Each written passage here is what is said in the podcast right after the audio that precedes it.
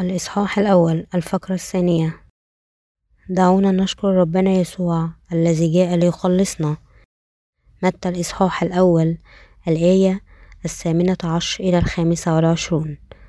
أما ولادة يسوع المسيح فكانت هكذا لما كانت مريم أمه مخطوبة ليوسف قبل أن يجتمعا وجدت حبلى من الروح القدس.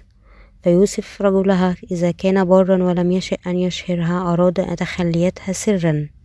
ولكن فيما هو متفكر في هذه الأمور إذا ملاك الرب قد ظهر له في حلم قائلا يا يوسف ابن داود لا تخف أن تأخذ مريم امرأتك لأن الذي حبل به فيها هو من الروح القدس. فستلد ابنا وتدعو اسمه يسوع لأنه يخلص شعبه من خطاياهم. هذا كله كان لكي يتم ما قيل من الرب بالنبي القائل هوذا العذراء تحبل وتلد ابنا ويدعون اسمه عمانوئيل الذي تفسيرها الله معنا. فلما استيقظ يوسف من النوم فعل كما أمره ملاك الرب وأخذ امرأته ولم يعرفها حتى ولدت ابنها البكر ودعا اسمه يسوع. نحن نحتفل بعيد ميلاد يبدو أنه سيصبح ليلة صامتة وليلة مقدسة هذه السنة. المدينة قد أصبحت هادئة وما زالت إنه صعب أن نرى أضواء أو زينة عيد ميلاد في الشارع لأننا نواجه أزمة اقتصادية. هذا يجب أن يكون انعكاس الاقتصاد السيء في هذه الأيام. هذا يذكرنا كما نحن يجب أن نحفظ إيماننا لأن عندنا عيد ميلاد آخر هذه السنة. دعونا ننظر في الفقرة. الآية الحادية والعشرون قال فستلد ابنا وتدعو اسمه يسوع لأنه يخلص شعبه من خطاياهم. ربنا كان مولود في هذا العالم خلال عذراء ودعي يسوع يعني الاسم يسوع أي إنه الواحد الذي يخلص شعبه من أسامهم نحن الذين قابلنا يسوع مسبقا فرحين عندما نحتفل بعيد الميلاد.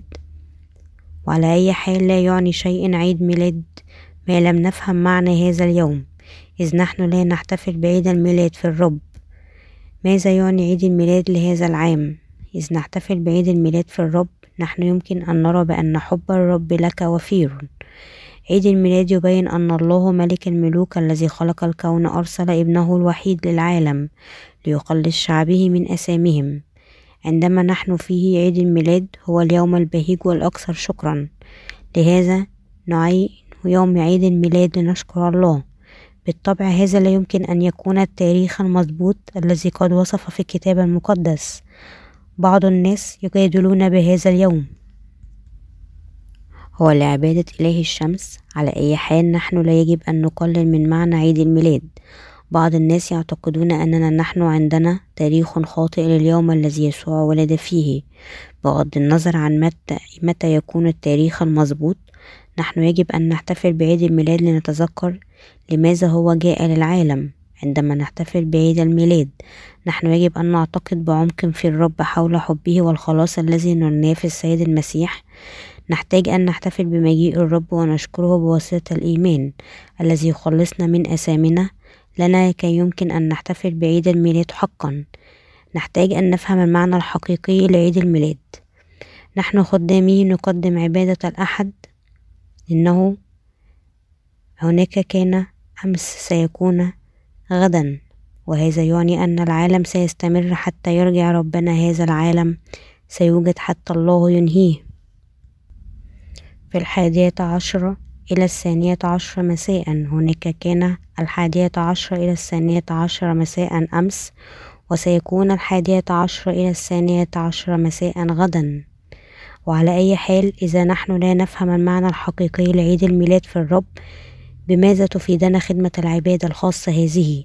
الخامس والعشرون من ديسمبر الحادي عشر إلى الثانية عشر مساء لا تعني شيء أكثر من الساعة الأخرى التي تعبر في السنة.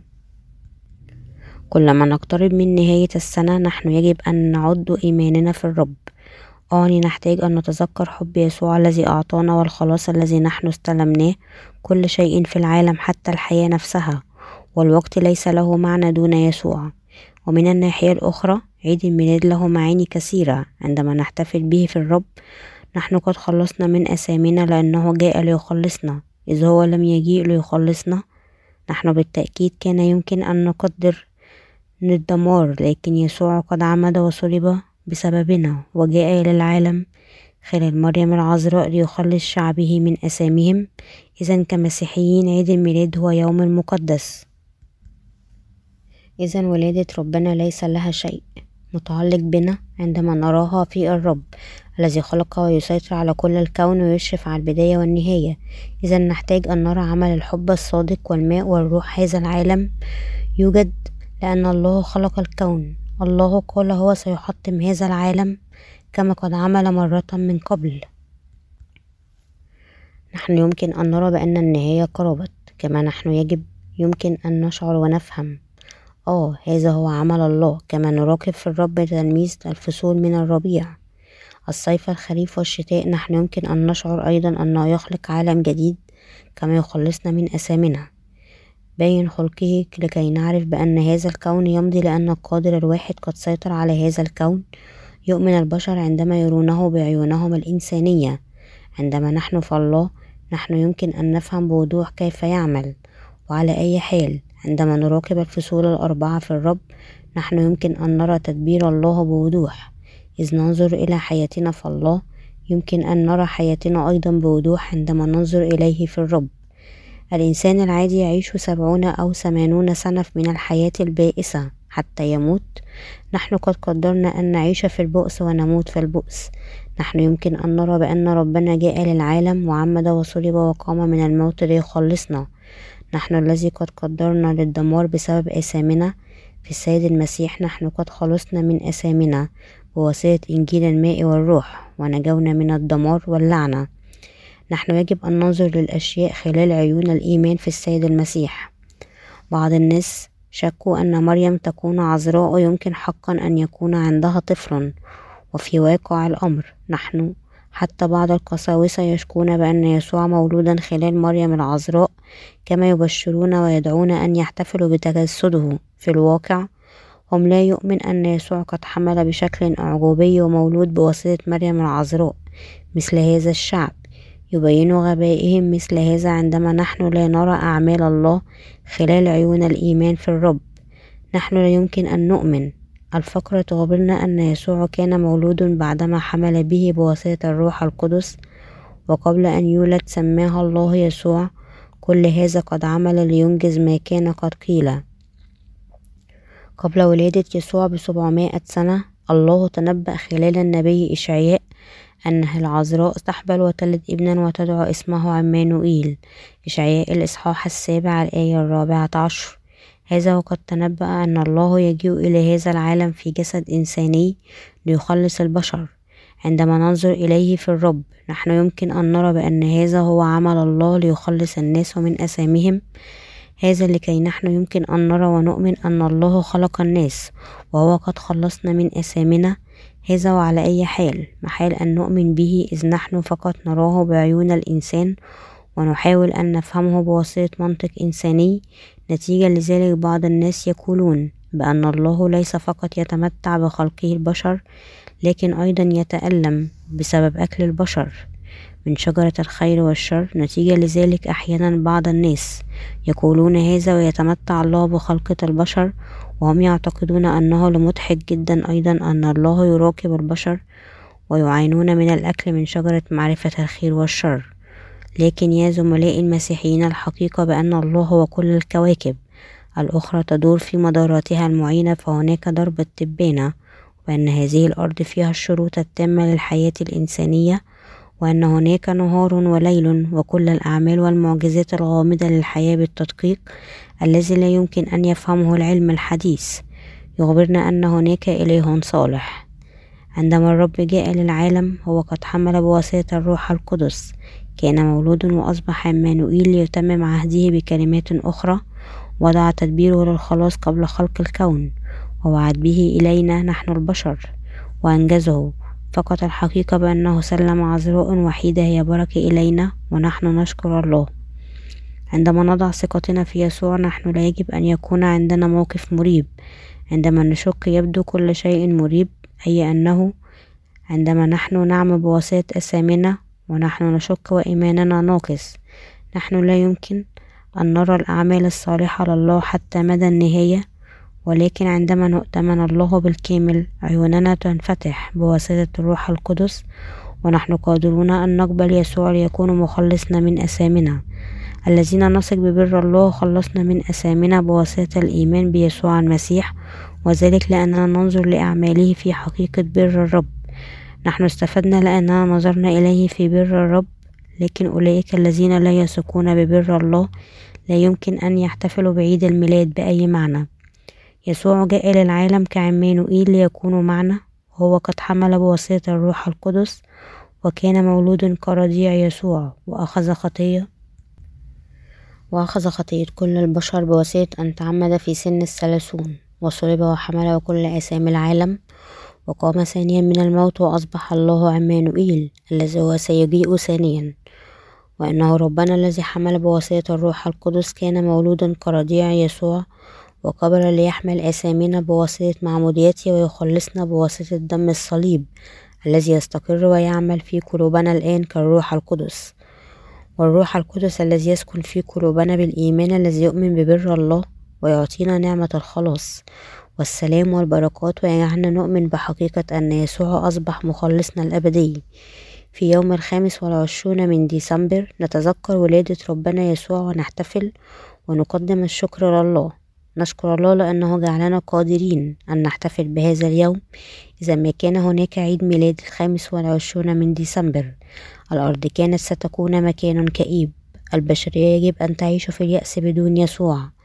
هناك سيكون لا شيء بهيج. البشرية ستستلم الأمل جديد بواسطة حقيقة واحدة التي هي أن منقذ البشرية منقذ المذنبين منقذ الناس من الدمار جاء للعالم كم كنا بائسين في الماضي نحن عندنا الرجاء في المستقبل في الرب. أي رجاء نحن عندنا في هذا العالم إذ يسوع لم يجيء ماذا قدم لنا المدعوين الحكماء والرجال المقدسون في العالم؟ مثل سقراط وسكياموني وكونفوشيوس قدموا لنا لا شيء أكثر من التعليم الأخلاقية. من في هذا العالم لا يريد أن يحيا حياة صالحة هم لم يستطيعوا أن يعطونا الخلاص من أثامنا ومن الدينونة والدمار. يسوع هو الوحيد الذي خلصك وخلصني من أثامنا. هو جاء للعالم ليمحو كل آثامنا بواسطة معموديته وصلبه. فقط أولئك الذين يثقون بإنجيل الماء والروح الذي هو بر الله يخلصون من أثامهم. أولئك الذين لا يثقون ببر الله لا يمكن أن يكونوا مولودين ثانيا.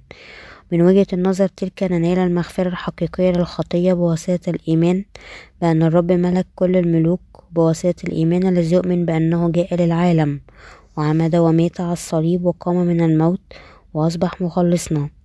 نحن عندنا حياة جديدة وأصبح شعب الله يمكن أن يدخل السماء لأن الرب جاء للعالم ليخلصنا. إنه تاريخ البشرية الذي الدمار عندما نقدم ونبتلع كل منا الآخر. حتى الآن نحن فقط قد صار تاريخنا تاريخ دمار وصراع وقتل كل منا الآخر.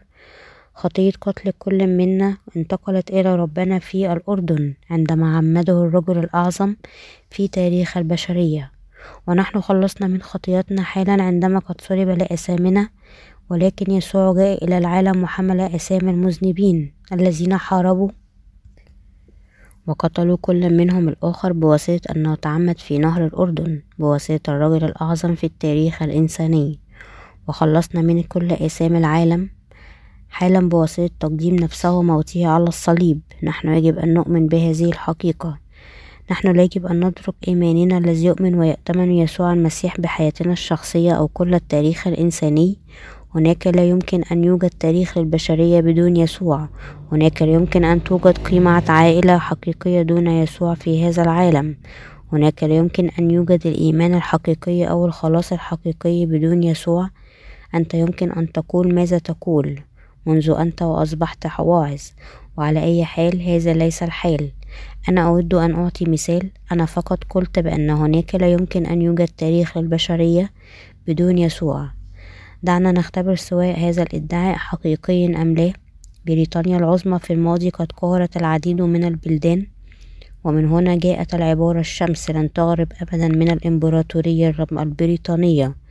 لم تكن هناك أيام في بريطانيا العظمى غربت فيها الشمس لأن الشمس كانت تغرب في بلد واحد كانت مستعمرة بريطانية. والشمس كانت تشرق في المستعمرة البريطانية الأخرى. إذا الشمس لن تغرب أبدا من الإمبراطورية البريطانية وهكذا كانت بريطانيا العظمى قوية في العالم. وهي قهرت العالم بالقوة. كان هناك العديد من المتشددين في بريطانيا العظمى في ذلك الوقت. هؤلاء المتشددين الذين وثقوا بيسوع كربهم ومنقذهم هربوا من بريطانيا العظمى وذهبوا إلى أمريكا. هم لم يتمكنوا أن يعيشوا في البلد لأنهم كانوا يضطهدونهم بسبب إيمانهم عندما ترك المتشددين بريطانيا العظمى. باتت أيضا شهرتها أن الشمس لا تغرب منها أبدا. الازدهار والقوة هم قد انقرضوا من العالم والسمعة الوحيدة التي تركت لهم اليوم أنهم بلد السادة المحترمين. المتشددون الذين ذهبوا إلى أمريكا لينشرون إنجيلهم سواء كان صحيح أم لا. إلى بقية العالم عندما حدث هذا قامت أمريكا كالقوة الجديدة في العالم. ألا تعتقد أنه أمر غامض؟ الأمريكان ينشرون. الأمريكان ينشرون الإنجيل إلى كوريا. الآن اقتصاد كوريا ارتفع ونحن ندعو الآن الاثنين. في آسيا أن رمز التنين بالطبع ليس رمز جيد روحيا على أي حال إلى المتشككين.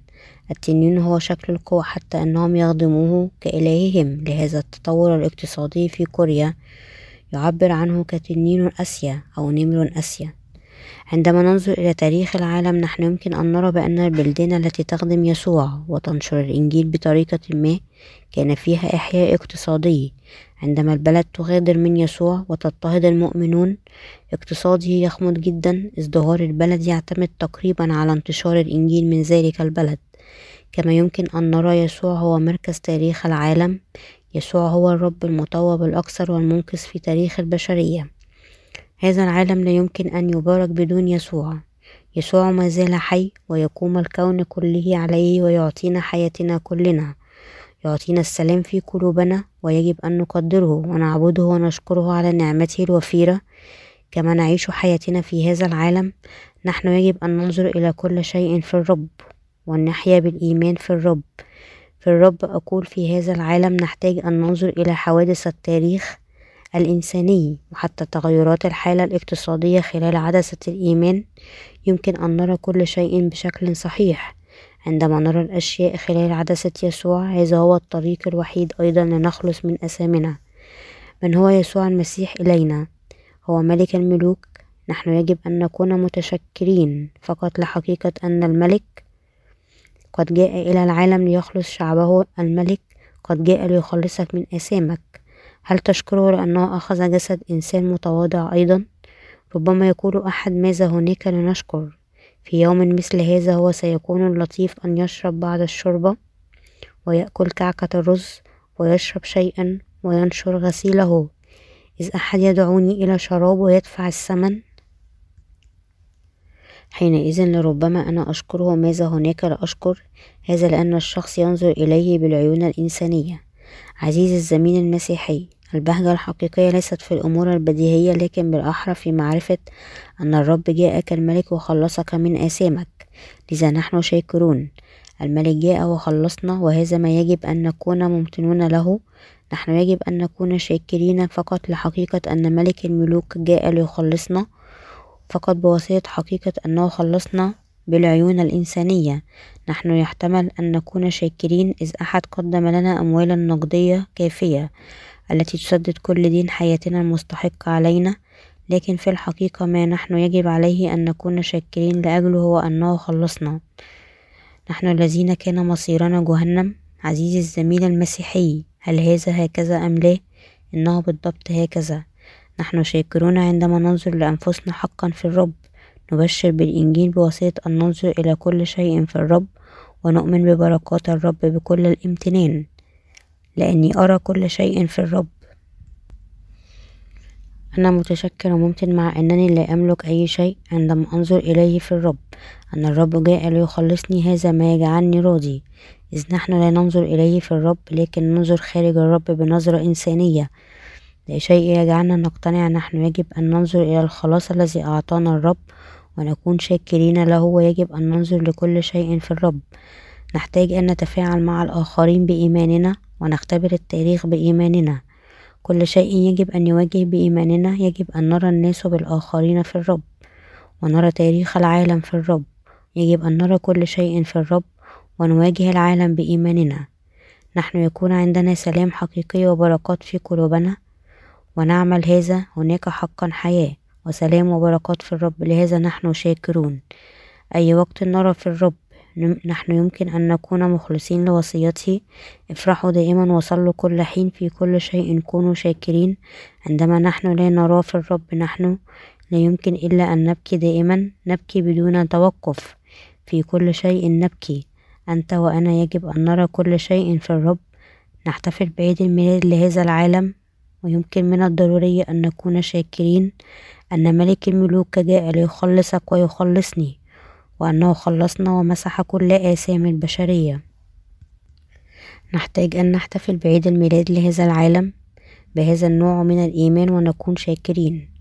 عزيزي الزميل المسيحي هل نكون شاكرين لهذا أم لا يجب؟